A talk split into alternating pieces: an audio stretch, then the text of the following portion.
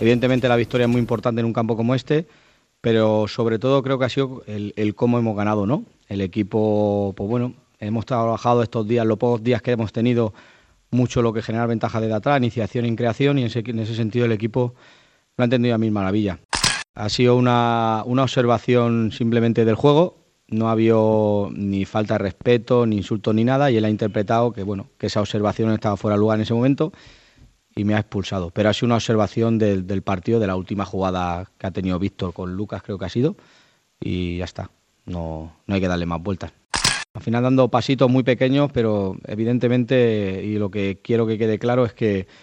que no, no hay mucho mérito tampoco del entrenador porque hemos hecho mm, prácticamente a nivel de trabajo táctico habremos hecho tres sesiones en dos semanas, porque entre recuperaciones, entre activación